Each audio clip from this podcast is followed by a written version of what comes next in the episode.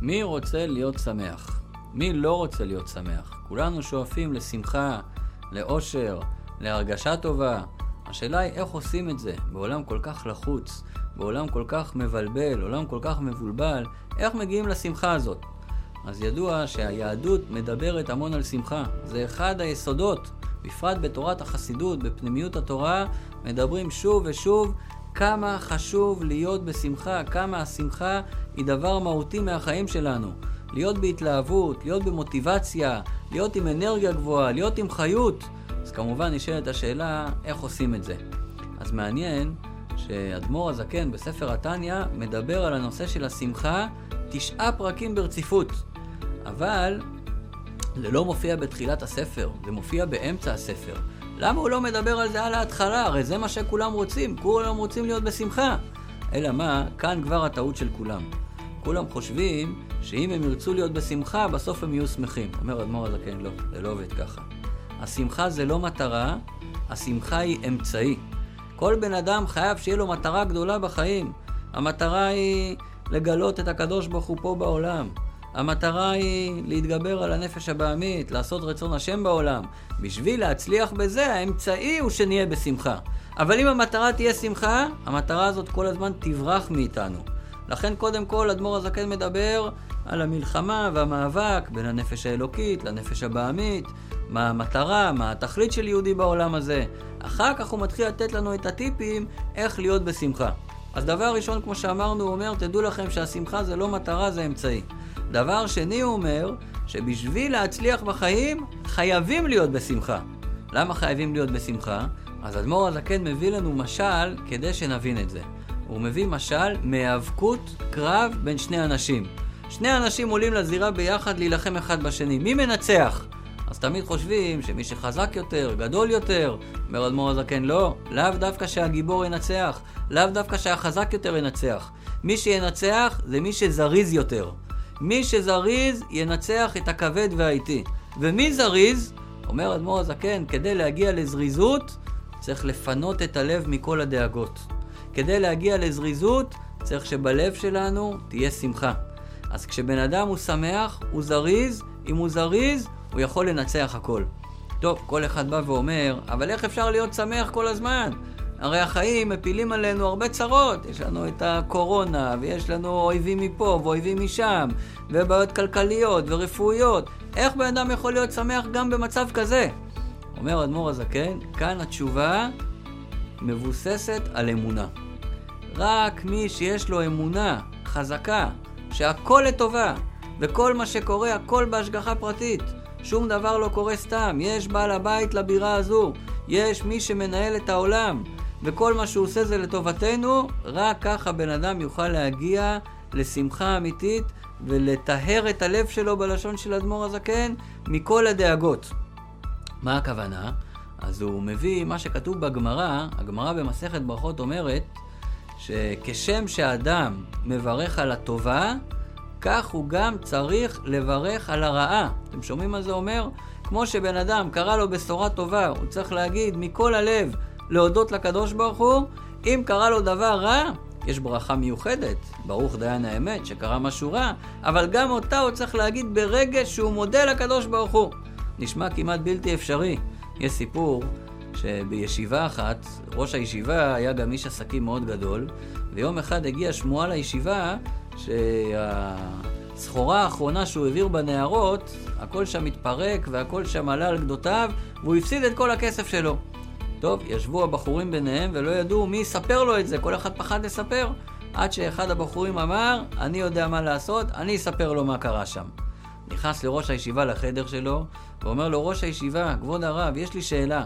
למדנו היום בגמרא שכתוב, כשם שאדם מברך על הטובה, כך צריך לברך על הרעה. בבקשה תסביר לי איך זה יכול להיות, איך אפשר לברך ולהגיד תודה על משהו רע שקרה לי. אז ראש הישיבה התחיל להסביר לו שהכל בהשגחה פרטית, ושום דבר לא קורה סתם, ויש מנהל העולם, אז תדע שמה שהוא עושה, הוא יודע מה הוא עושה. אמר לו אותו תלמיד, כבוד הרב, אני עדיין לא מבין את הגמרא הזאת, איך אפשר להיות שמח שקורה משהו רע? אז הוא התחיל להסביר לו שהכל לטובה, וגם מה שנראה לך עכשיו לא טוב, תחכה קצת זמן, תגלה שאחרי זה בעצם זה כן היה לטובתך. אז מזה שתראה שהכל לטובה, תהיה שמח כבר מעכשיו. הוא אומר לו, ראש הישיבה, כבוד הרב, אני לא מבין. מה, אם יקרה לי משהו רע, אני צריך לשמוח? הוא אומר לו, כן. מה, להתחיל לרקוד? הוא אומר לו, כן. אז אומר לו, ראש, כבוד הרב, אם כך, אתה יכול להתחיל לרקוד כי הפסדת את כל הכסף שלך. איך ששמע את זה ראש הישיבה, הוא התעלף במקום. טוב, כשהעירו אותו, הדבר הראשון שהוא אמר, גם אני לא מבין את הגמרא הזאת. זאת אומרת, אנחנו יודעים שזה ככה, אנחנו יודעים את האמת, אנחנו מאמינים בזה, אבל יש את העבודה שכל אחד צריך לעשות עם עצמו, לעבוד על עצמו, בשביל להרגיש את זה יותר ויותר.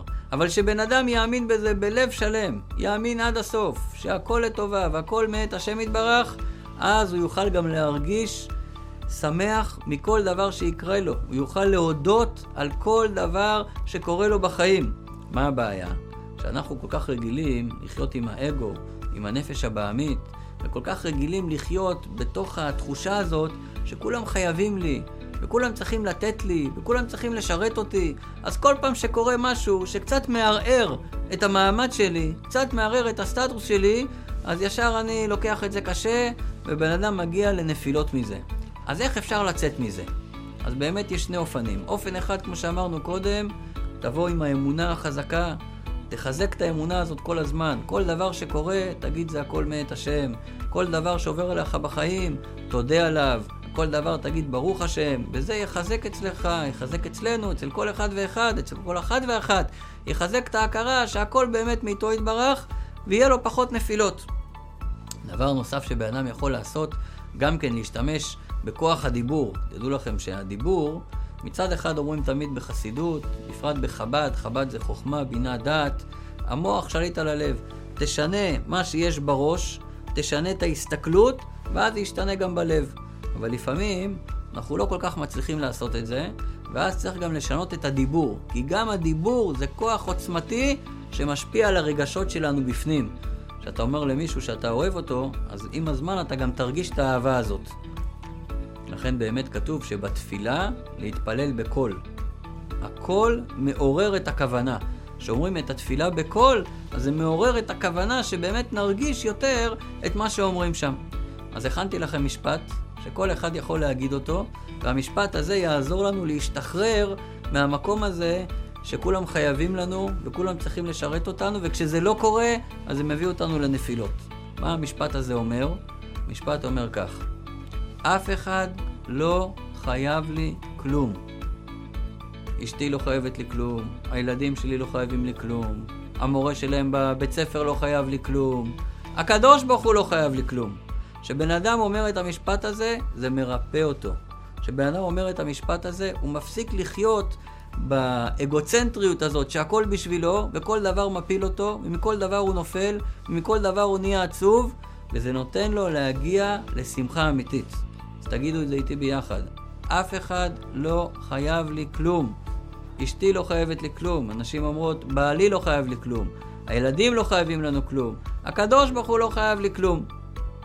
שחיים ככה, באים ממקום נקי, מקום נטול אינטרסים, ואז רואים שאף על פי שלא חייבים לנו, פתאום השפע נמשך אלינו לעולם.